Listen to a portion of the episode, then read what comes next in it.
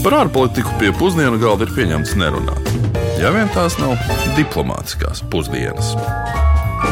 Labdien, un esiet sveicināti diplomātiskajās pusdienās. Kā katru otrdienu mēs aplūkojam un analizējam dažādas pasaules valstis, to ekonomiku un politiku, un iekļaujam arī kādus mazāk zināmus un intriģējošus faktus, lai to visu ilustrētu. Labdien! Nu, kā katru otrdienu mēs ceļojam no viena kontinenta uz nākamo, nu, un ir pienācis brīdis atkal atgriezties tepat tuvāk, Beidzot. Eiropā. Beidzot, ja. Pēc uh, pagājušās nedēļas atrašanās Šrilankā tagad dodamies uz ļoti labi pazīstamo Nīderlandi. Domāju, ka par to ir dzirdējis ik viens, nu, vai precīzi sakot, nav dzirdējis tikai ļoti retais, vai ļoti mazais un jaunais. Vēl. Nu, vismaz par dzirnavām, kas valstī tiek reiķināts apmēram nu, vesels tūkstotis, un dažas ir arī UNESCO kultūras mantojuma sarakstā. Personisko brīvību sala bijusi okeānu impērija, marihuānas un halucinogēno sēņu pionieru valsts, tulpju paradīze. Nu, ko tik vēl nevar iedomāties, kā to visu nosaukt. Nu, tikai nesauc to par Holandi. Tas gan Nīderlandiešiem pat oficiālā valdības līmenī nepatīk vairs kopš pagājušā gada janvāra. Nu, viņiem ir apnicis, ka valsts tiek saukta par divu vēsturisko reģionu, Ziemeļu un Dienvidu Holandas nosaukumiem. Un jāsāk mums arī laikam pārslēgties lēnām. Nu, piemēram, no Hollandas sieru uz Nīderlandes sieru. Bet, ar citu, Holanda pati vēl nav tas pats izaicinošākais. Nīderlanda, kura mums ir šeit Eiropā blakus, ir tikai nozīmīgākā daļa valstī, ko sauc par Nīderlandes karalisti. Izaicinošākais ir ā, žurnālistiem mēģināt no angļu valodas iztulkot vārdu Dutch. Kā tad ir tā valoda, kurā viņi runā? Laikam, tad ir Nīderlandiešu Nīderlandiešu valodā.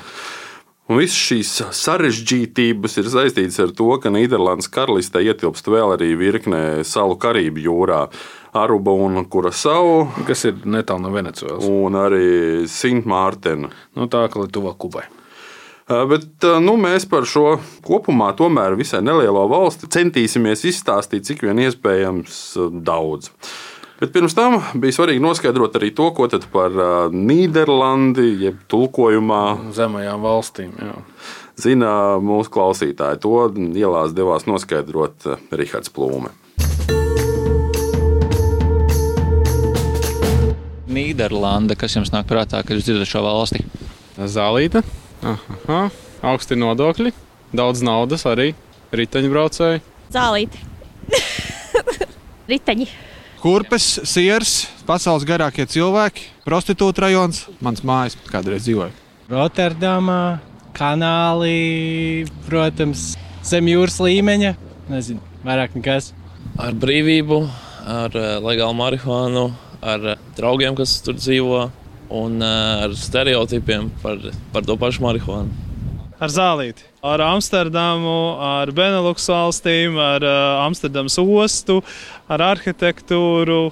Nu tā, nu labi, tur ir tulpes, tās te dzirnavas, koku kurpes, kanāli, slīdes. Nu tā. mūzikas augstskolas tulpes. Ja jūs gribat dzirdēt marihuānu, tad man tas nenāk prātā. Sāksim ar to, ka Nīderlanda ir pati blīvāk apdzīvotā valsts Eiropas Savienībā. Nu, Ar vairāk nekā 17 miljoniem iedzīvotāju tā arī viena no blīvākajām valstīm pasaulē. Turklāt vairāk nekā 90% valsts iedzīvotāji dzīvo pilsētās. no kuriem savukārt 60% tiek rēķināts. Šobrīd dzīvo 5 metrus zem jūras līmeņa. Jā, bet pašā laikā Nīderlandes augstākais kalns, Valserbergs, ir 322,5 metrus augsts. Nu, respektīvi, tas ir 4,5 metrus augstāks nekā mūsu gaiziņš. Tas nozīmē, ka pat valstī, kura dzīvo zem jūras līmeņa, augstākais kalns tāpat ir augstāks nekā mūsu gaiziņš. Jā, domāju, ka mēs vēl noteikti saskaitīsim un saskatīsim lietas, kur Nīderlanda mums ir priekšā, vai, vai pat zemāk par mums. Bet, piemēram, viņiem ir pasaulē garākie vīrieši. Nu, mūsu vidējais rādītājs mūs noliek kā 4. vietā. Nu jā, bet latviešu sievietes tomēr tas man ir bijis pārsteigums, ir garāks par nīderlandiešu sievietēm. Un, jā, mūsu dāmas ir pirmajā vietā ar vidēji 1,70 m augumu, Nīderlandes tā tad ir otrajā vietā. Mm. Nu jā, bet vēsturiski Nīderlandes apvienotās provinces pasludināja neatkarību no Spānijas 16. gadsimta beigās. Bet jau 17. gadsimtā nu, teritorija kļuva par vadošo jūrniecības un tirzniecības lielu valsti ar apmetnēm un kolonijām visā pasaulē. Nu, vēlāk, pēc 20 gadus ilgas Francijas okupācijas, 1815. gadā izveidojās Nīderlandes karalists. 15 gadus vēlāk Beļģijas karalists atvienojās nost kā atsevišķa valsts. Un valsts neatkarības dienu, gan šo seno un neskaidro iemeslu dēļ, visticamākais tomēr svin kā karaļa dzimšanas dienu. Šobrīd, attiecīgi, tas ir 27. aprīlis, kad ir dzimis šī brīža karalis Vilnius Aleksandrs. Un tas gan ir pie noteikuma, ja šī diena neiekrīt svētdienā. Starp citu, 2018. gada jūnijā karalis Vilnius Aleksandrs ciemojās arī Rīgā. Toreiz arī abas valstis viena otrai atgādināja, ka ir partneru valstis gan Eiropas Savienībā, arī NATO. Nu, laikam, jā. No nu, ekonomiski gan abas valsts ir atšķirīgas, un ne tikai ciparos. Pāris piemēri Nīderlandē, starp citu, 1602. gadā tika izgudrota birža. Un uh, Amsterdama bija pasaules finanšu centrs vesels divus gadsimtus, līdz pat 19. gadsimta sākumam. Un, protams, arī mūsdienās Nīderlandes ekonomika, salīdzinājumā ar Latvijas ekonomiku, ir ne tikai daudz lielāka, bet arī sarežģītāka finanšu sistēma un ražošanas un pakalpojumu ziņā daudz daudzveidīgāka un daudz globālāka. Viens piemērs no tiem ir Rotterdams osta. Ir Eiropā lielākā osta un apmēram desmitā lielākā osta pasaulē kravu apjomu ziņā vēl mūsdienās. Jā, par ostām un jūrniecības vēsturi es noteikti arī gribētu iestarpināt, ka Es domāju, ka jebkuram latviešu burātājam ir zināma saistība ar holandiešu burātājiem, jo, kā mēs zinām, Pēters I savulaik brauca uz Holandi mācīties visas jūras zinības, mm. un lielāko daļu terminu ir pārnesis uz krievu valodu. Un savulaik no krievu valodas mēs esam pārņēmuši daudzus terminus arī latviešu valodā. Mm. Un es biju diezgan pārsteigts, ka pirmo reizi tiekoties ar holandiešu burātājiem, es varēju saprast, par ko viņi runā. Jo tie termini ir līdzīgi latviešu, krievu, arī holandiešu ah, holandiešu, nīderlandiešu valodā. jā, nīderlandiešu siers un nīderlandiešu valoda. nu, jā, tā mēs aiziesim galējībās, bet jā, šīs līdzības tiešām ir un jūrniecības tradīcijas joprojām ir ļoti spēcīgas arī Nīderlandē pašlaik. Bet Nīderlanda acīm redzot, spēja veiksmīgi izmantot ne tikai tās vēsturisko pieredzi, bet arī naftas un dabasgāzes atradnes, un arī valsts geogrāfisko stāvokli un auglīgo augsni, ko viņi starp citu ir izcīnījuši jūrai. Pēc Eurostat datiem Nīderlandes IKP uz vienu iedzīvotāju pēc pirktspējas paritātes no Eiropas Savienības vidējā ir apmēram 128%. Latvijas rādītājs bija 69%. Nu, uz pusi. Mm -hmm. nu, jā. Tātad reālais IKP uz vienu iedzīvotāju Nīderlandē bija nu, trīs reizes lielāks nekā Latvijai pērn. Proti, aptuveni 40 tūkstoši eiro pret mūsu nu, nedaudz vairāk kā 12,000. Nu jā, nu par cipariem vēl runājot, ir vēl viena lieta, kas Nīderlandē noteikti ir vairāk nekā Latvijā. Tie ir velosipēdi. Bet mums, es domāju, ir ļoti daudz bijušo nīderlandiešu velosipēdu. Tikko no Nīderlandes, jā. Varbūt no kāda Nīderlandes, no kāda Nīderlandes kanāla. nu, jā, nu viņi tur ir. Tur ir velosipēdi. Nīderlandē ir apmēram par kādiem 5 miljoniem vairāk nekā cilvēku. Un tas, piemēram, laikam par to, ka nav jau tā, ka ar velosipēdu brauc tikai tāpēc, ka nevar atļauties automašīnu. Bet, nu, vispār veselība un fiziskās aktivitātes ir ļoti lielā cieņā Nīderlandē. Kaut vai tagad, tad, kad uznāca lielā ziema, kanāla aizsala un tradicionāli ko dara? Slido. Mm. Visi dodas slidot. Bet nevar noliegt, ka Nīderlanda ir ļoti būtiska Eiropas Savienības daļa, un um, tās viedoklis un um, iekšpolitiskie procesi arī tiek ņemti vērā bieži. Nu, bieži vien tikpat ļoti kā Vācijā un Francijā notiekošais. Nu, pats, paši atcerēsimies vēl nesen notikušo populista Gerda Vildersa sāgu, mm -hmm. kurš faktiski bija liekas, viens no tādiem pirmajiem nu, ļoti skaļajiem populistiem Eiropā, kurš ļoti nu, tālu tika. Arī, jā. Nu, jā, tālu tika. Un 17. martā jau pavisam drīz Nīderlandē būs arī parlamenta vēlēšanas. Un Par šīm vēlēšanām, ko tas varētu mainīt gan Nīderlandes iekšpolitikā, gan arī ārpolitikā, mēs detalizētāk lūdzām pastāstīt Nīderlandes ārpolitikas institūta slavenā Klingendāls institūta pētniekam Lūkam Molthovam. Well, Protams, ka šīs vēlēšanas ir diezgan nozīmīgas, jo Nīderlande, tāpat kā visas citas Eiropas valstis, pašlaik saskaras ar dažādiem iekšpolitiskiem un ārpolitiskiem izaicinājumiem - koronavīrusa pandēmiju, migrāciju, pieaugušo nevienlīdzību.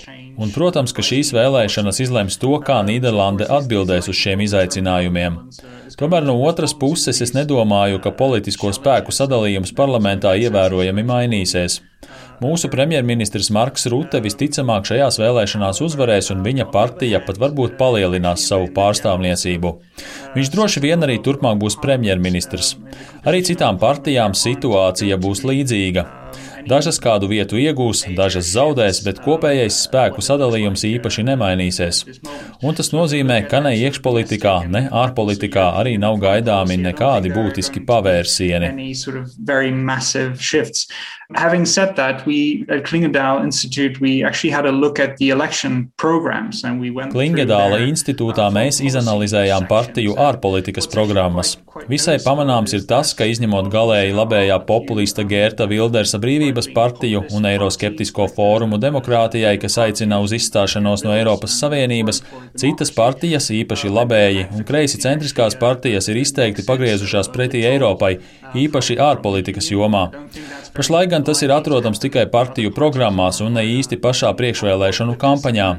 Kad runa ir par Covid-19 pandēmiju, klimata pārmaiņām, digitalizāciju, Ķīnas pieaugušo ietekmi vai neprognozējamām Amerikas Savienotajām valstīm, tam visam ir nepieciešama Eiropas līmeņa atbilde. Tas gan nenozīmē, ka visas partijas aktīvi aizstāvētu dziļāku Eiropas integrāciju. Zaļie un sociālliberālā partija D66 gan rosina veikt šeit dažas pārmaiņas, taču centristu partijas, piemēram, aicina vairāk domāt par ciešāku sadarbību aizsardzības jomā vai par Eiropas strateģisko, ģeopolitisko un ekonomisko autonomiju, kā arī par ļoti skaidru un saprotamu migrācijas politiku. Šis pagrieziens pretī Eiropai, vismaz ārpolitikas jautājumos, ir ļoti jūtams.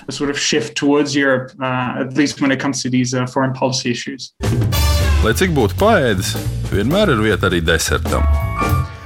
Uģi, desertā šodien alus. Sagribēja, ja? pusdienās. Jā, bet Nīderlanda taču ir otra lielākā alus eksportētāja pasaulē. Nu, uzreiz pēc Meksikas, starp citu, nu, par Meksiku ar kādu dienu runāsim. Bet uh, Heineken taču mēs visi zinām, ne? Nu, teorētiski visiem vīriešiem šajā brīdī izdzirdot vārdu Heineken vai ieraugot Heineken ledus, ka būtu jāsāk bļaut un spirināt kājiņas, bet es, tikai, es nebūšu es laikam tikai, no tiem. es tikai informēju. es nebūšu no tiem. Bet varbūt tomēr par puķi. Grauš. Nē, arī nebūs labāk. Laikam, nē.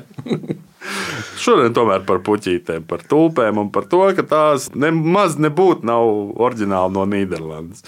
Krāsainās tulpes faktiski tika ievestas Nīderlandē no Turcijas 16. gadsimtā, bet kopš tā laika tām ir būtiski nozīme Nīderlandes kultūrā. Un 1630. gados tulpi mānija bija pārņēmusi Nīderlandi un runā, ka tulpes tāda bija pat nekustamā īpašuma cenās. Mm -hmm. Tas mudināja daudzus lauksaimniekus pārorientēties uz ziedu audzēšanu līdz 1637. gadā. Nozara pēkšņi sabruka, daudzus padarot par nabagiem. Nu, tas tāds ļoti agrīns piemērs klasiskam ekonomiskajam burbulim. Nu, kurš var iedomāties, ka tulpi burbulis tas varētu būt? nu, tas ir arī mācību grāmatās, tiek joprojām kā piemērs minēt. Tagad katrā 3. janvāra sestdienā Nīderlandieši svin Nacionālo tulpju dienu. Arī mūsdienās gandrīz 80% pasaules ziedu sīpolu nāk no Nīderlandes, kas padara Nīderlandi par pasaules lielāko ziedu eksportētāju. Un pamatā tās, protams, ir tulpes. Un tiek rēķināts, ka katru gadu aptuveni 2 miljardi tulpi tiekot eksportēti pa visu pasauli. Jā, tas ir labi. Bet um, to, ka džins ir izgudrots 16. gadsimtā Nīderlandē un pēc tam karalisko laulību rezultātā ievests Anglijā, par to es uh, drīkstu stāstīt. Un ka viņš ir izmantots arī kā dopings karavīriem vēsturiski tik nozīmīgajā 30 gadu kara laikā, 17. gadsimta pirmajā pusē. Nu, laikam jau tas stāstīja. Un Nīderlandieši ir arī burkānus pārkrāsoja oranžā krāsā. Proti, pirmie viņi sāka kultivēt tieši oranžas krāsas, jā, nacionālās krāsas un burkānus. Nu, jā, nu, uz šī oranžā fakta izskan arī mūsu raidījums. Un, no Nīderlandes karalistes šodien dosimies nākamnedēļ uz Nīderlandes karalistes kaimiņu valsti, uz Venecuēlu. Nu, kā tas geogrāfiski sanāk, to teicām jau raidījuma sākumā, tā kā varat noklausīties vēlreiz, bet līdz tam lai izdodas. Un, ja jūs nedzirdējāt raidījumu sākumu, tad uh, atgādinu, ka diplomātiskās pusdienas varat arī sev piemērotā laikā noklausīties atkārtojumā, gan Latvijas Rādio 1 mājaslapā, gan arī portālā LSM, gan arī populārākajos mūzikas straumēšanas resursos, Google, Apple, Spotify podkastos. Šo raidījumu veidoja Kārlis Bokovskis no Latvijas ārpolitikas institūta un es Uģis Lībijams. Uz sadzirdēšanos jau pēc nedēļas. Diplomātiskās pusdienas katru otrdienu pusdienos Latvijas Radio 1.